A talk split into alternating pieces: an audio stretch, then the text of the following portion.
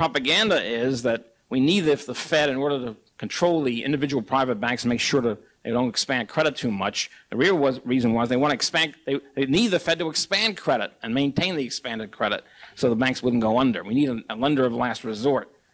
Or to use the phrase in the, very common of that period, we need, the money supply needs to be more elastic. That was the big phrase. We need a Fed because we need the money supply to be more elastic. In, in other words, the money supply isn't, is too, is too rigid. We need to expand it more.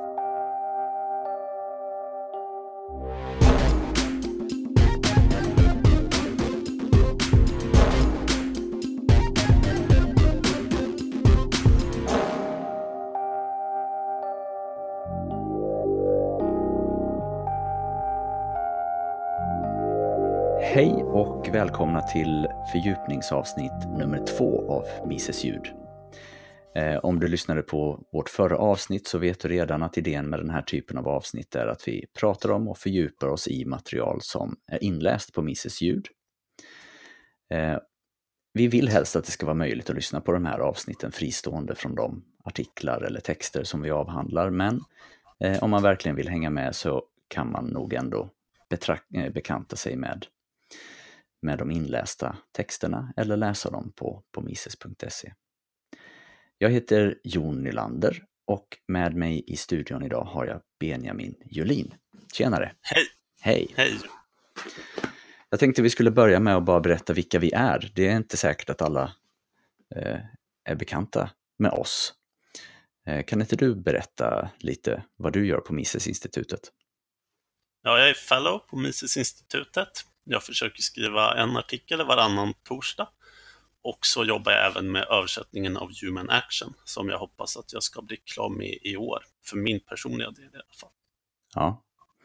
Så i år, det är ju inte så långt kvar av året innan jul. Kan man, kan man se fram emot att få hålla i, i Human Action på svenska på julafton kanske? Ja, det vet jag inte. Det är en sak att jag blir klar och det är en annan sak med korrläsning och utformning av boken och allt det där, det praktiska processen. Ja. Är, ja. Men jag får skriva ut den själv då? Ja, exakt.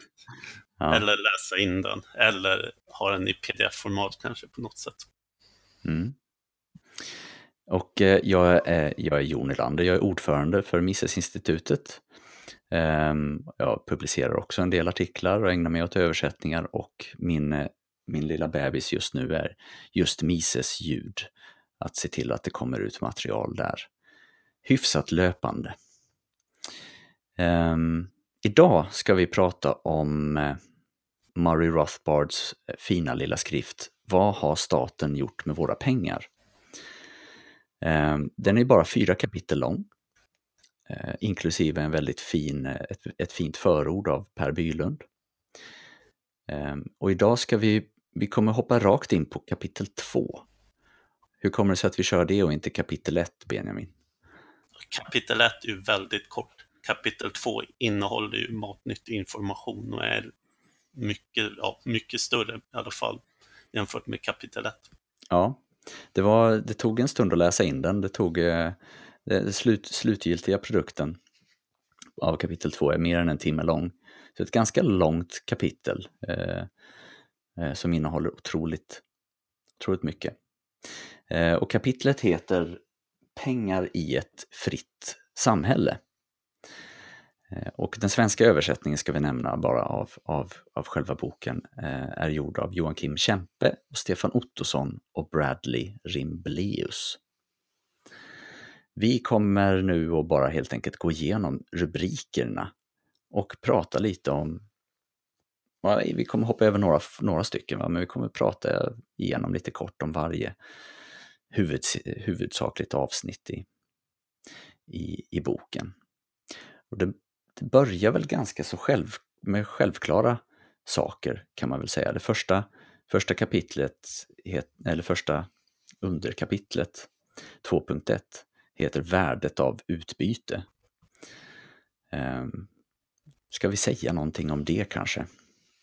Ja, jag kan säga när vi hade det här, gjorde det här provet i, om österrikisk ekonomi, då var det väldigt många som hade rätt på just de här frågorna. folk förstår intuitivt att människor byter saker för att de har omvända värderingarna av sakerna i fråga. Och det är ju precis det Rothbard pekar ut, att om sakerna hade lika värderingar, när man byter någonting i en transaktion, då skulle, man ju inte, då skulle det inte finnas något skäl att byta. Nej, precis. Vi byter saker med varandra och tjänster med varandra för att vi sätter olika värderingar på samma saker vid olika tillfällen och vid olika situationer och upplever oss själva tjäna på det. Det är väldigt självklart eh, egentligen. Så inte mycket där, men han lägger en ganska så bra grundplatta för nästa avsnitt och det här är ju liksom Economics 101 eller ännu tidigare. 2.2 heter byteshandel, rätt och slätt. Där blir det ju lite mer matnyttigt. Man pratar om direkt byteshandel här. Eh, jag kan citera lite kort bara. Ehm, ja, jag läser det här. Citat. Vad skulle Jones betala med ifall han lejde några arbetare för att bygga ett hus? Med delar av huset? Eller med byggnadsmaterial de inte hade någon användning för? De två grund, grundläggande problemen är odelbarhet och att behoven inte stämmer överens. Det är alltså double coincidence of wants eller dubbel behovsöverensstämmelse. Så vid direkt byteshandel så är det ju som vanligt uh, att, uh, svårt att se till att man vid samma tidpunkt har ett behov av varandras uh, varor, det man har producerat. Så om jag är bra på att fiska och du är bra på att framställa engelska lektioner så måste ju jag vilja ha engelska lektioner samtidigt som du vill ha fisk, annars så kan vi inte komma överens. Eller om jag har en plog att sälja, eh, då är den svår att dela upp för den är värd mycket mer än en engelska lektion till exempel. Ja, det kan ju också vara att du inte vill ha, det kan ju vara det problemet med dubbels behov av, behovsöverensstämmelse fortfarande, men som skulle kunna mm. lösas för att du skulle ha kunnat byta bort den till någon annan. Men det, man kan också betona att det är två olika problem, det här med odelbarheten och den dubbla behovsöverensstämmelsen. Mm, det stämmer. Man har saker som är svåra att, att dela upp. Som förlorar sin nytta när de delar upp, delas upp. En halv plog är ju inte så användbar. Det är ju inte längre en plog. Den gör ju inte hälften så mycket som en plog. Den gör ingenting. Uh, nej, men det är många som, som känner till just det här med, med dubbel, dubbel behovsöverensstämmelse, men inte egentligen kanske tänker på, på just det här problemet med, med odelbarhet och att det också ställer till det för oss när vi försöker ja, byta saker med varandra helt enkelt. Mm.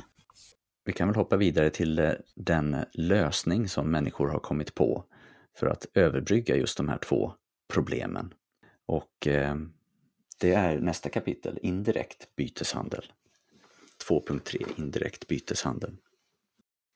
Ska vi börja med att bara definiera vad ett bytesmedel är, möjligtvis? Ja, det är en vara man byter till sig, inte med avsikt att konsumera den, utan istället med avsikt att i en senare byteshandel byta bort den här för att få den vara som man vill ha direkt användning för, som man vill konsumera. Nej, det som är så fint med med ett indirekt by bytesmedel är ju att man kan, om man vill eh, byta en plog mot engelska lektioner, sälja hela plogen till någon som råkar vilja ha en plog, men som inte har någonting annat som just du som plogsäljare vill ha, förutom just bytesmedlet. Nu har du eh, omedelbart delat upp din plog i en massa mindre bitar som du därefter kan använda en liten del av för att köpa engelska lektioner. Ja, och en liten del av som du kan använda till att köpa mat eller någonting annat. Eller bara spara, hamstra. Ja, vad som helst. Här tycker jag också en väldigt elegant österrikisk lösning. Den här berättelsen om hur bytesmedel ja, men börjar framkomma, att människor förstår att även om vi har det här problemet med den dubbla behovsöverensstämmelsen, så kan jag tjäna på att byta med dig. För det kan vara så att även om du inte har någonting som gör att jag kan, som jag har direkt användning för, så kan du ha något som ändå tar mig närmare mitt mål. Du kanske har ägg eller någonting som gör att jag lättare kan få tag på det som jag vill ha till att konsumera än vad min plog skulle kunna ge mig. Ja, precis. Det måste ju inte vara pengar så som vi känner igen det dagligdags för att du ska kunna använda ett indirekt bytesmedel. Det kan ju vara någon annan hållplats på vägen som används. Och det har ju funnits massor med sådana produkter som har varit mer eller mindre säljbara. Som också, han använder ju också begreppet säljbarhet i, i det här kapitlet. Det är ju bara det att det finns vissa varor som, som obenhörligt har bäst kvaliteter just vad gäller sin, sin säljbarhet och därmed växer fram som, som, som bättre och bättre pengar över tid. Men det har ju varit många saker i historien. Det har varit salt eller kakaobönor eller boskap eller ja, det finns ju hur många exempel som helst. Men över tid och i takt med att vi har blivit mer och mer avancerade så har det ju gått mot guld och, och, och silver. Och sen när vi har blivit mindre avancerade har det blivit papper. Japp. I takt med att vi blivit mindre avancerade och i takt med att vi har låtit oss gå på vissa typer av propaganda. Jag kan säga det också med pengar, när man diskuterar pengar, det är ju inte någonting exakt. Det är ju lite luddigt vad som är pengar, när man säger att ja, det är ett allmänt använt bytesmedel. Mm. Ja, det, det lämnar ju frågan öppen om vad är pengar? Kan det finnas två olika sorters pengar? Mm. Men bytesmedel som koncept är väldigt praxeologiskt exakt. Det är väldigt tydligt att avgöra vad som är ett bytesmedel och vad som inte är det. Mm. Så jag ogillar också när man använder sig för mycket, eller man eh, förlitar sig för mycket på begreppet pengar och försöker diskutera vad som är pengar och vad som är inte pengar. Jag tror sådana diskussioner är inte så produktiva.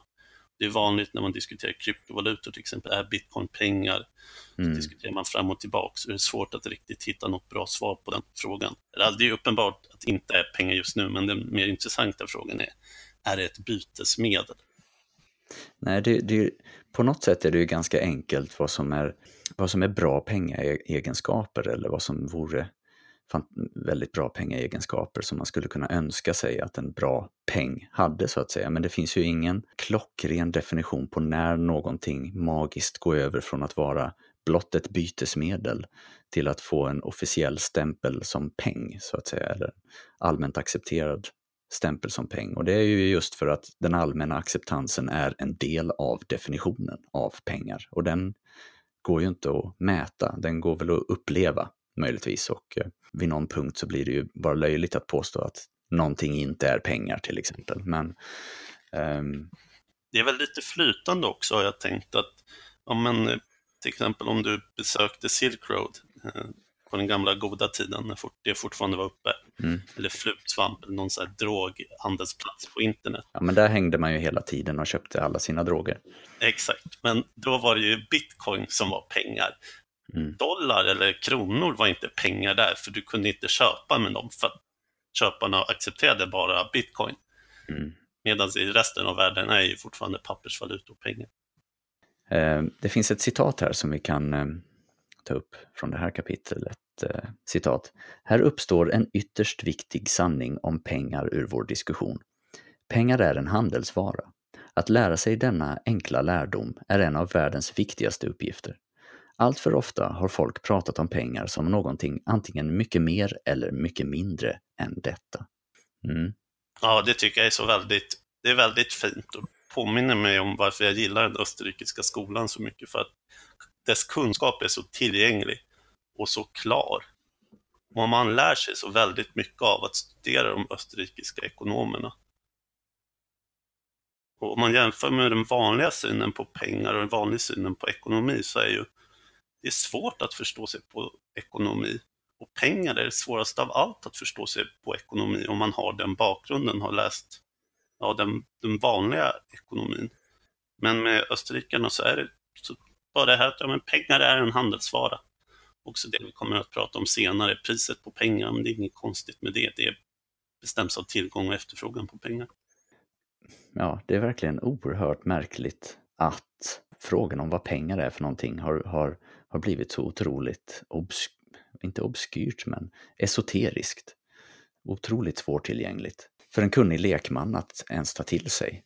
Eh, om man nu går via mainstream ekonomikunskap, så att säga.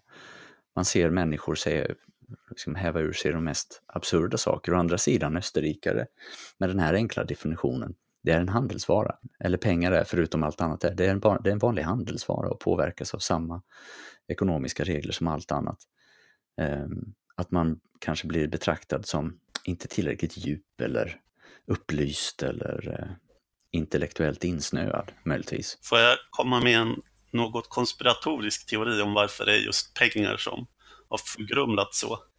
Ja, men vi är väl konspiratorsteoretiker allihopa här. Ja. Så kör på. Det är ju för att pengar är så viktigt för staten. För att staten kan manipulera pengar och därmed erhålla intäkter.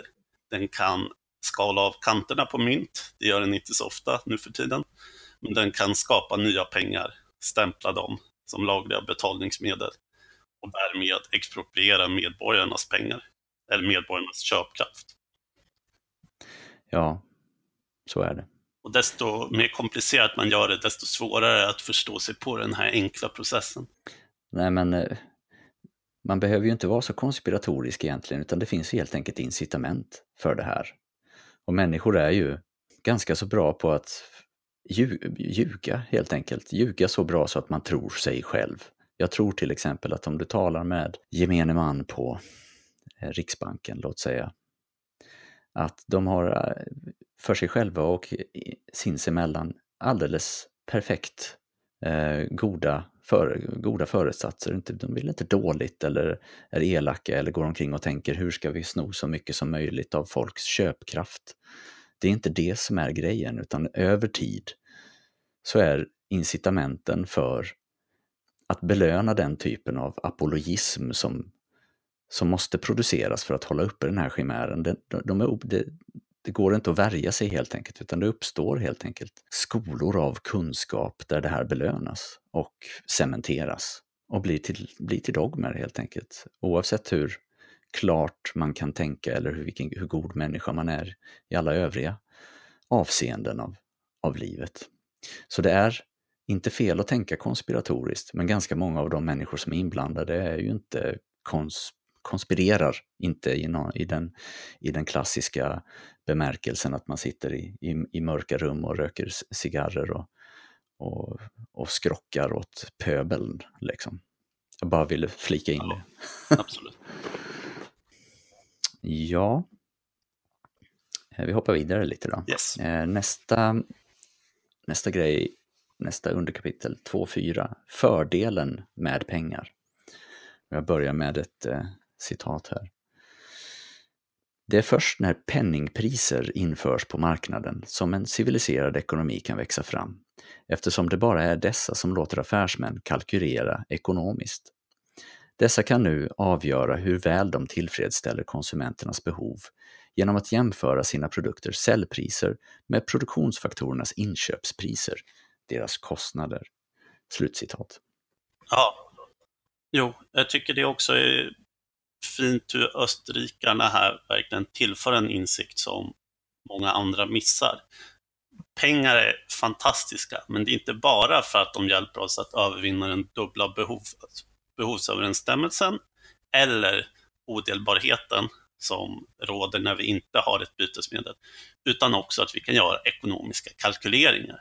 Alltså att entreprenörerna kan räkna ut om, har jag slösat bort produktionsfaktorer eller har jag använt produktionsfaktorer på det sätt som konsumenterna ökar? Och alltså ha en rationell ekonomi där man producerar det som konsumenterna vill ha. Nej. Och sen, ja, man kan ju också tillägga att pengar gör det möjligt att ha en mer avancerad form av arbetsdelning. Så att just ofta så nämner man ju som vi har sagt bara det här med dubbelbehovsöverensstämmelse, men det är alltså flera saker som pengar gör. Ja. Mm. Vad säger de? Pengar är roten till allt ont. Förutom de där goda sakerna som har gjort att vi kan ha någon typ av samhälle där människor inte svälter till döds. Exakt. Det fanns någonting som jag tänkte på här. Så här skriver han under samma fördelen med pengar här. Ett annat citat. Många läroböcker menar att pengar har många funktioner, som bytesmedel, bokföringsenheter eller värdemätare, värdebevarare etc. Men det borde stå klart för alla att dessa funktioner bara är konsekvenser av dess huvudsakliga funktion, den som bytesmedel. Ja, men här tar han ju upp några av de här sakerna som att för att någonting ska vara pengar eller så måste det också vara en värdemätare och värdebevarare. Alltså, unit of account, antar jag, och eh, store of value. Men att man måste gå till roten och kolla på att de är helt meningslösa de här egenskaperna eller eh, resultaten av pengars användning. Förutom att det, det har, de har sin botten i att, att människor vill använda dem för att, för att köpa saker, antingen nu eller i framtiden. Ja, de är funktioner av att varan är ett bytesmedel. Mm. Och de skulle inte kunna ha, varan skulle inte kunna ha de egenskaperna om det inte var just ett bytesmedel. Yes. 2.6 Pengars utformning. Börjar med ett citat här återigen. På guldmyntfotens dagar trodde många människor att mynt på något sätt var mer riktiga pengar än vanligt opräglat guld, tackor eller andra former. Det är sant att mynt handlades till högre priser än tackor, men detta hade inte att göra med någon mystisk egenskap i själva mynten, utan för att det kostade mer att tillverka mynt från tackor än att smälta tillbaka mynten till tackor igen. På grund av denna skillnad värderades mynten högre på marknaden. Ja, det här är ju märkligt. Att det är på grund av produktionskostnaden, eller den här skillnaden i produktionskostnaden för att omforma dem tillbaks till varandra, som mynten får sitt högre pris. Och inte från efterfrågan. Inte för att det är smidigare att ha mynt än att ha en stor tacka. Nej. Vi måste nog ta avstånd från Rothbard här helt enkelt. Det ser ut som att han har gått och blivit marxist. Ja. Någonstans finns det ju produktionskostnader är ju relevanta eh, indirekt för priset eftersom att de bestämmer eh, storleken på tillgången. Men att man bara skulle titta på produktionskostnader och inte alls tänka över ja, men varför vill man hellre ha mynt. Det mm. är ju att göra ett visst avsteg från den subjektiva värdeteorin. Det ser bara ut som att han har slarvat till det lite. Vi kanske skulle kolla på originaltexten och se om våra översättare har, har, har gjort fel här. Men... Eh, det kanske är så att han inte riktigt... Ja, det är nog så i alla fall att vi inte håller med om det. Nej, precis. Nej, men självklart måste det vara som så att an, anledningen till att man till att börja med präglar mynt är ju för att, man, för att det finns, finns efterfrågan på just myntformatet. Ja. De är färdigkategoriserade, be, bekväma och de eh, har en fin stämpel på sig och, och de har eh, kanter som är svåra att klippa. Det gör ju att man inte behöver spendera så mycket tid med att verifiera äkthet och, och det värdesätter människor helt enkelt. Så att eh, en, det, det, I grund och botten är det ju vikten som är saken som, som värderas såklart, men präglingen av mynten, om det sköts på ett proffsigt sätt, är ju otroligt värdefullt eftersom det Eh, tidsbesparande och, och ökar tilliten till, eh, till bytesmedlet. Jörg Guido Hulsman har en, en, poäng, en liknande poäng om det här. Han säger att guld är inte pengar, utan guldmynt är pengar. Så att egentligen är det vilseledande att man säger jo men dollar är pengar för att dollar är en viktenhet. Utan snarare borde det vara ja men det här speciella myntet med det här namnet är pengar. För ingen, det finns ju en anledning till att stora ja, men, guldklimpar som man inte riktigt vet vikten på, de har ju inte varit pengar. Utan det har ju antingen varit ja, men mynt eller i mindre utsträckning tackor. Och framförallt de mynt som används. Ja, vi rasar vidare här. 2.8 har eh, titeln Den rätta mängden pengar, rätta inom citattecken det måste vi ju prata lite om, för det är också en väldigt vanlig villfarelse i... Eh, ja, vill du börja säga någonting om det här? Finns det en rätt mängd pengar? Jag tror att folk tänker sig att vi blir rika om vi får mer pengar. För så är det ju för vår privatekonomi. Om jag skulle få 10 000 kronor imorgon skulle det gynna mig. Så då tänker man att om alla i samhället får 10 000, då borde det gynna alla. Men eftersom pengar just bara är ett bytesmedel, att det bara tjänar sitt syfte som att underlätta transaktionen av varor, så har det ju inget värde i sig. Vi blir ju inte rikare med fler pengar. Vi kan ju inte konsumera mer, vi kan inte äta, ja, vi kan inte äta mer, vi kan inte njuta mer tillfredsställelser. Nej. Nej, det, bara för att det kommer in mer pengar i ett system så finns det ju inte mer av någonting annat överhuvudtaget. Det är bara pengavaran som har blivit, som det har blivit fler av. Jag skrev en artikel en gång där jag kom på en, en anekdot, eller jag kanske har snott den någonstans ifrån, det minns jag inte nu. I så fall får någon skrika på mig och, och säga att det här har du snott härifrån. Men man tänker sig att man skulle flugit över en, en by i Mosambik på 70-talet under brinnande inbördeskrig och svält och fattigdom och slängt, hivt ner, hivat ner en, en, eh, en säck med silvermynt på den här byn. Hade någon blivit rikare där då?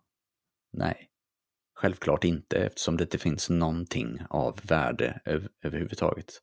I övrigt, det lilla, det lilla som finns hade kanske blivit enklare för, för folk att, att transferera emellan sig. Men nu om man skulle flyga över samma ställe idag så är de ju oerhört mycket rikare på exakt samma plats. Det finns säkert eh, en liten bensinmack och restaurang och skola och eh, någon som kan eh, meka med cyklar och alla möjliga olika värdefulla funktioner och, och, varor och tjänster som folk vill ha tillgång till. Och om du då slänger ner silvermynten så blir den personen som de hamnar på rikare, men inte någon annan. Och Rothbard har ju lite, ett lite liknande exempel i sin text här. Han, han nämner ju ett exempel från, av David, David Hume eh, om vad, vad, som skulle hända om en god fe stoppade pengar i folks fickor, handväskor och bankvalv över natten och på så sätt fördubblade mängden pengar. Skulle folk då vara dubbelt så rika? När, man, när guld är pengar, Ehm, och vi har någon typ av industriell användning av guld, då håller ju inte riktigt det här. För då kan man ju, om vi får mer guld, skulle vi kunna använda det till smycken eller i, ja, i datorer, sådana saker. Så på så sätt skulle vi ju vara rika. Men just vad gäller penningfunktionen skulle ju inte mer guld behövas eller göra någon särskild extra nytta. Med reservationen, man, det behövs ju ett visst typ av minimum ett guldmynt skulle ju inte kunna vara tillräckligt i en stor ekonomi. Men över den, det minimumet så spelar det ingen roll. Och anledningen till det är ju för att ja, men, eh, priserna kan ju förändras utefter penningmängden. Ja, vi kan ju ta han, citatet här. Vi når den häpnadsväckande sanningen att det spelar ingen roll vad mängden pengar är. Vilken mängd som helst fungerar precis lika bra som någon annan. En fin sanning. Det spelar ingen roll. Förutom att det behövs ett minimum möjligtvis, någon form av praktiskt minimum. Det räcker inte med ett uns guld för hela världen. Men då hade å, andra sidan guld aldrig blivit betraktat som pengar om det var så försvinnande lite av det. Um, ja, men på samma, på samma ton kan man väl säga nästa underkapitel är problemet med hamstring. Uh, ska vi prata lite om hamstring? Benjamin, take it away. Mm. Vad är det som egentligen händer om en rik människa stoppar undan sina pengar? Är det något som skadar vår ekonomi? Är det någonting som gör oss fattigare? Egentligen det är frågan om hamstring, eller te tesaurering handlar om. Tesaurering, det var ett nytt begrepp för mig. Ja, jag tror jag har sett Klaus nämna det. Mm. Kanske, jag kanske har lite fel, men någonting i det stilen är det. Är det det som är hamstring alltså? Ja, exakt. Ja. Äh, vi håller oss till hamstring, ja. det förstår folk. Ja. Jag har ett väldigt bra exempel på eh, ett liknande händelse när folk um, ja, men misstog sig lite i frågan om pengars värde. Mm. För några år sedan var det Gudrun Schyman gjorde ett publicitetsstunt där hon eldade upp 100 000 kronor som var summan som Sveriges kvinnor förlorade under en viss timme. Eller om det var över hela, hela ens liv. Jämfört med män på grund av um, löneskillnader. Mm. Och då, då så fick hon väldigt mycket kritik för att hon hade förstört pengar. Hon hade förstört värde. Folk mm. tänkte, ja, men hade hon inte kunnat göra något värdefullt för det här? Nu förlorade vi de här pengarna. Mm. Men det, det händer ju inget farligt för att man eldar upp pengar. De där papperslapparna har ju inget värde i sig. Nej. Det som händer är bara att alla andra människors pengar får en större köpkraft. För de där papperslapparna kommer nu inte kunna användas för att göra anspråk på de varor som redan finns. Nej. Äh, det där sitter ju otroligt långt inne för de, för de flesta att förstå. Jag tror att reaktionen är ju på, en, på ett sådant publicitetsstunt. Eh, vi analyserar ju kallt liksom de ekonomiska effekterna av eh, den typen av agerande. Det är ju inte konstigare än att hon har lagt dem i en, i en madrass och sen glömt bort dem resten av sitt liv och de hade aldrig hittats. Mm. Men, det, men, det, men det är ju så fult när någon gör en sån sak, för det, det upplevs som oerhört respektlöst, helt enkelt. Det är klart att om, han, om hon hade gett de där hundratusen kronorna till en fattig familj så hade ju de naturligtvis fått det bättre. Så i den, på den nivån så är det ju alldeles korrekt. Så att hon framstod väl mer som en som utanför sin persona. Eh, hon framstod som en rikemans tant helt enkelt när hon gör en sån grej. Så det var ett dåligt, väldigt klantigt publicitetsstunt. Men de ekonomiska effekterna är ju precis som du säger. Hon, hon förbättrade ju alla andra kroninnehavares köpkraft i ett slag. Så det får vi ju tacka henne för. Det är spännande att när man har gått från guld som pengar till papper som pengar, för att guld var för användbart för att det skulle slösas bort och användas som pengar, då har man ändå tagit med sig den här idén om att pengar är värdefulla i sig själva. Att man har behållit den. Men det måste ju vara helt uppenbart att papperspengar, att det inte, ja men att inte till exempel det vi pratade om med utbudet, att ett större utbud inte gör några fler tjänster. Eller att det inte spelar någon roll, att inte andra människor blir skadade om någon inte spenderar sina pengar. Men det här med hamstring är ju intressant därför att alla hamstrar ju alltid. Det finns ju inga pengar som inte, som inte är i någons ägo. De, det finns ju inga... Om man tar och summerar alla människors pengar så är det ju lika med penningmängden. Så alla har ju det på sitt konto eller i madrassen eller nedgrävt någonstans. Så alla hamstrar ju, det är bara en slumpmässig, någon slags magisk gräns av tid och mängd kanske. Om det är för mycket och för länge då räknas man som hamstrare. Det, det går ju inte att etablera en sån, en sån punkt. Det, det, finns någon slags tanke om att pengar måste vara, för att pengar ska vara nyttiga för oss så måste de vara i, i rörelse konstant och liksom aktiva i, i ekonomin. Vad är det som är fel med den, den typen av resonemang? Jag tänker att pengar är ju någonting som fylldes in. Vi behöver pengar för att framtiden är osäker. För att vi inte vet exakt vad som kommer att hända. Och det är pengar som gör att ja, men vi, vi sparar pengar för att vi tänker att ett tillfälle kanske dyker upp.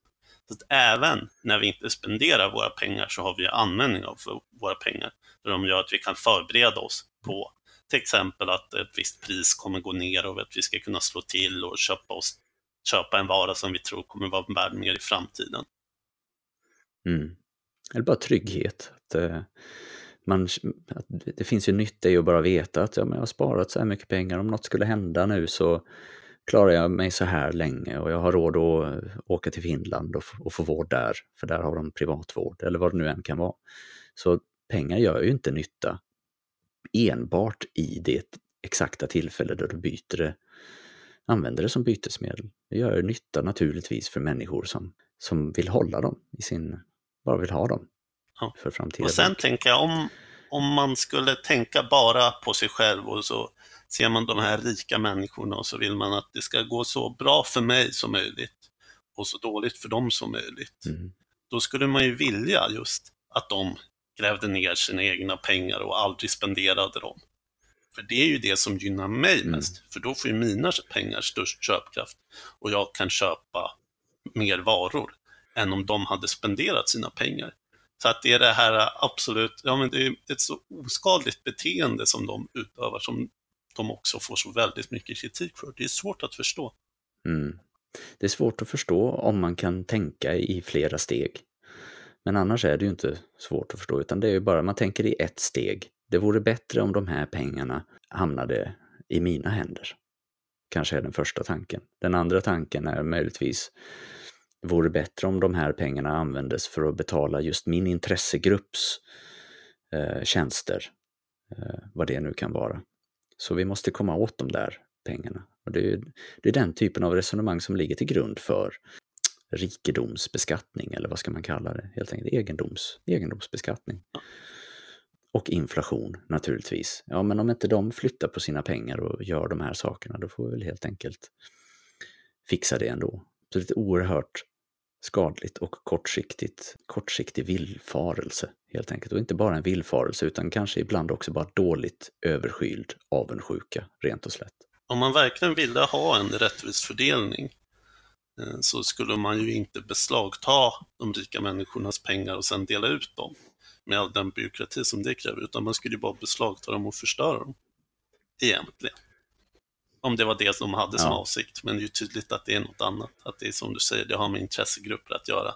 Det har med att ge vissa människor pengar och att betala vissa människor löner för att administrera den här processen. Annars skulle det vara jätteenkelt. Mm. Ja, det hade kanske till och med varit mindre skadligt om man bara, har du har så här mycket, då förstör vi det. det blir ja. tydligt. Infl via inflation så är det ju kanske på vissa sätt samma sak man uppnår. Jo. Eftersom hamstring blir direkt, eh, ja, det blir mycket sämre att, att spara helt enkelt. Men, eh, men det skulle nog, eh, det skulle bli för, mycket, ett för stort motstånd. Ja, det hade varit för uppenbart vad det är som sker. Det är lite som en myntavskalning. Det är för uppenbart vad, vad det är som pågår. Så är det. Det är, bättre att, det är bättre att ta in dem och legera om mynten så att det inte syns lika tydligt på kanterna. Ja. Eh, så man tar in dem via skatter och, och, och sen så bara myntar man om dem allt eftersom. Mm. Anyway, eh, vi börjar närma oss slutet nu. Eh, nästa rubrik är eh, Stabilisera pris, prisnivån? Frågetecken. Ja, det här tycker jag är ett fint kapitel, eller underkapitel. Mm. Mises, när han började sina texter eh, i början av 1900-talet, då skrev han ofta socialism är vår tids slagord. Men sen lite senare så har jag noterat att han ofta skriver stabilisering är vår tids slagord. Att det pratas väldigt mycket och att stabilisering är någonting människor eftersträvar. Mm. Och det verkligen har blivit ett ideal och det tycker jag vi ser väldigt tydligt idag i så väldigt många ekonomipolitiska diskussioner. Och tar man till exempel upp kryptovalutor som vi har pratat om en del redan, men där syns det nästan som mest att en av de vanligaste kritiken, kritik, den vanliga kritiken mot bitcoin till exempel är att det är volatilt, att det inte är stabilt. Mm. Och här konkretiserar Rothbard det här ropet efter stabilisering mm. på ett tydligt sätt i en tydlig fråga och plockar itu det. Och det gäller det här med långivare och låntagare, för det säger att ja, men om det är eh, pengarnas köpkraft tillåts eh, fluktuera, då kommer människor inte att vilja låna ut och låntagare kommer inte kunna få några lån. Mm. För att, ja, eh, ja exakt, så att hela låneekonomin faller samman om, utan stabila pengar. Och då säger han att jo, men om det vore ett sådant problem, då skulle ju långivare och låntagare kunna komma överens om det i sina utlåningskontrakt. Mm. Att ja, men om pengarnas köpkraft förändras, då, då så betalar jag istället den här större mängden eller mindre mängden beroende på hur pengarnas köpkraft förändras. Ja, Nej, han säger ju Rothbard i, i det här underkapitlet att det verkar inte som att folk i princip någonsin har skrivit den typen av kontrakt, även om det har funnits alla möjligheter att göra det, att välja någon form av index, eh, någon varukorg eller vad man nu skulle, eh, konsumentprisindex kanske man skulle använda sig av helt enkelt. Eh, man väljer någon analysfirma som framställer konsumentprisindex och så säger man att ja, det är den här räntan som gäller eh, under förutsättning att eh, vi rör oss inom de här områdena på ja, det här indexet som den här analysbyrån framställer. Men det är ju ingen som har gjort det, utan det är ju någonting som har mer eller mindre tvingats, tvingats på marknaden, eller chimären av den här stabiliteten, kanske vi ska säga, har tvingats på marknaden. För det är ju inte som så att vi har en stabil prisnivå. Det som man försöker uppnå som centralbank är ju att det ska se ut så mycket som möjligt som att det är en stabil prisnivå. Det vill säga att den här varukorgen då inte fluktuerar mer än 2% uppåt varje år mm. i pris. Det är ju inte det som sker egentligen, men det är ju en del av den här förklaringsmodellen som används för att, att uh, råna folk, ja. helt enkelt. Och sen det här lärde jag mig av Joakim Bok, att egentligen det som spelar roll för en affärsman, det som kommer att avgöra om han går med plus eller minus beroende på förändringarna av pengarnas köpkraft, det är ju inte förändringarna i största allmänhet, utan det är ju förändringarna konkret på de varor han köper och de varor han säljer. Så att för honom är det mm. de relativa priserna som är viktiga. Så att han kan ju inte skyddas av att pengarnas allmänna köpkraft stabiliseras. Det, det handlar ju om de relativa priserna för honom. Ja. Det handlar ju om de relativa priserna för alla egentligen. Ja. Vi vill inte egentligen ha mer pengar. Även om naturligtvis vill vi det. Men det vi egentligen vill ha är ju tillgång till fler varor och tjänster. Ja. Eller mer fritid, eller vad det nu kan vara. Den eh, symbolism eller den, den enskilda sak som vi kan titta på i form av pengar förvirras, förvirrar oss ofta mycket mer än, än vad det hjälper oss. Och det är ju lite så som, som Klaus har sagt i många avsnitt av Radio Mises att ja, men om du funderar på någon ekonomisk frågeställning, försök att tänka bort pengarna. Vad är det som egentligen händer? Det kan man inte alltid göra utan pengar kan ju vara, en, kan ju vara just det som man tittar på för stunden. Men, eh, men det är ett, ett, ett bra knep för att åtminstone till en början försöka se igenom den här typen av, av resonemang. Mm. Ja, jag tror vi borde säga något om priset på pengar. Det jag tidigare skrivit om på mises.se i samband med att jag i samband med att jag diskuterade ränta. För då, var det, mm. då är det en vanlig uppfattning att ränta är priset på pengar. Och det stämmer ju inte, utan som Rothbard påpekar avgörs ju priset på pengar eh, av tillgång och efterfrågan på pengar. Och priset på pengar är ju de varor man ja. kan få för pengarna. Just det. Och det har ju folk, alltså det, om man bara studerar, de, de läser nationalekonomi några terminer på universitetet, kommer att ha väldigt svårt att förstå vad som avgör priset på pengar. Och det är till utgång, eh, förlåt, Exakt. utbud och efterfrågan. Närmare bestämt utbud och efterfrågan på varor och utbud och efterfrågan på pengar. Jag tycker de, ändå de två sista eh, eller framförallt det sista underkapitlet är ganska intressant. Penningförvaring eh, heter det.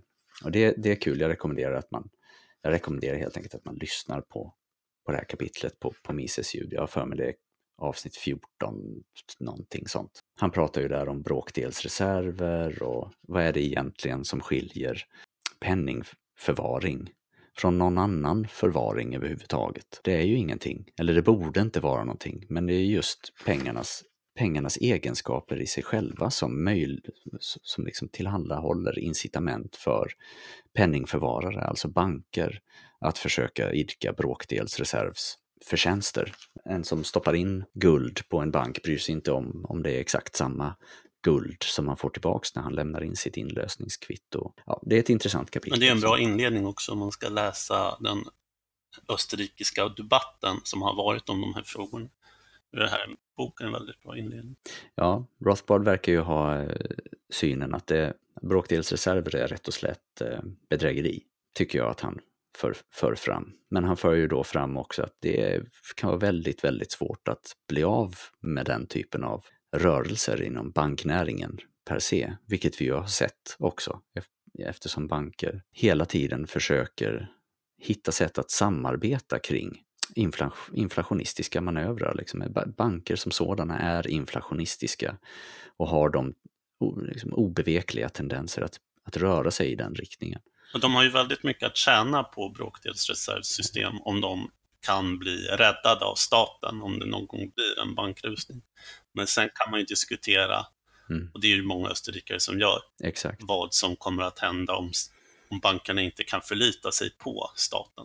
Nej, det är ju kartelliseringen i form av centralbanker till exempel som, som, som gör att de ja. kan hålla på så pass länge. Och plus bailouts då, rena bailouts. Det räcker liksom inte ens med att alla banker som av rang samarbetar och driver samma mm. inflation. Och, det, de, det kraschar ändå liksom. Mm. och då får vi, får vi stoppa in skattepengarna. Jag tycker, det, ja, jag tycker det är väldigt lärorikt det här om pengar är någonting som vi använder så mycket i vårt samhälle. Så ja men varför finns pengar i en vanlig fråga? Och då säger alla alltid, jo men det blir ju så väldigt lite handel om du ska hitta en person som har det du vill ha och som också vill ha det du har. Och så går Rothbard in på det här som är så vanligt att alla borde ha full förståelse mm. över. Och så säger han, det handlar också om odelbarhet, det handlar också om att med pengar så kan vi genomföra ekonomiska kalkyler och vi kan också ha en mer avancerad arbetsdelning. Det tycker jag är snyggt. Mm. Fantastisk liten bok helt enkelt. Vi får se om vi kanske tar oss igenom kapitel 3 vid, vid något tillfälle och snackar om det också. Ja, det tycker jag. Jag kan också avsluta med att säga att det är en väldigt fin inläsning, så den kan jag rekommendera till alla. Tack. Jag tycker det är eh, otroligt roligt att läsa in saker faktiskt. Jag önskar att jag hade mer tid att göra det. Jag skulle kunna tänka mig att jobba som inläsare. Med detta så tycker jag att vi avslutar. Kom ihåg att ni kan stödja Misesinstitutet på flera sätt. Ni kan bli stödmedlemmar till exempel. Ni kan även skriva artiklar, erbjuda er att översätta eller läsa in artiklar. Varför inte? Vi har en kille som heter Magnus som läser in flera artiklar. Det är en otrolig tillgång att ha. Men vi kan alltid vara fler glada människor runt den fina Misesbrasan. Ehm, så därmed tackar jag för mig.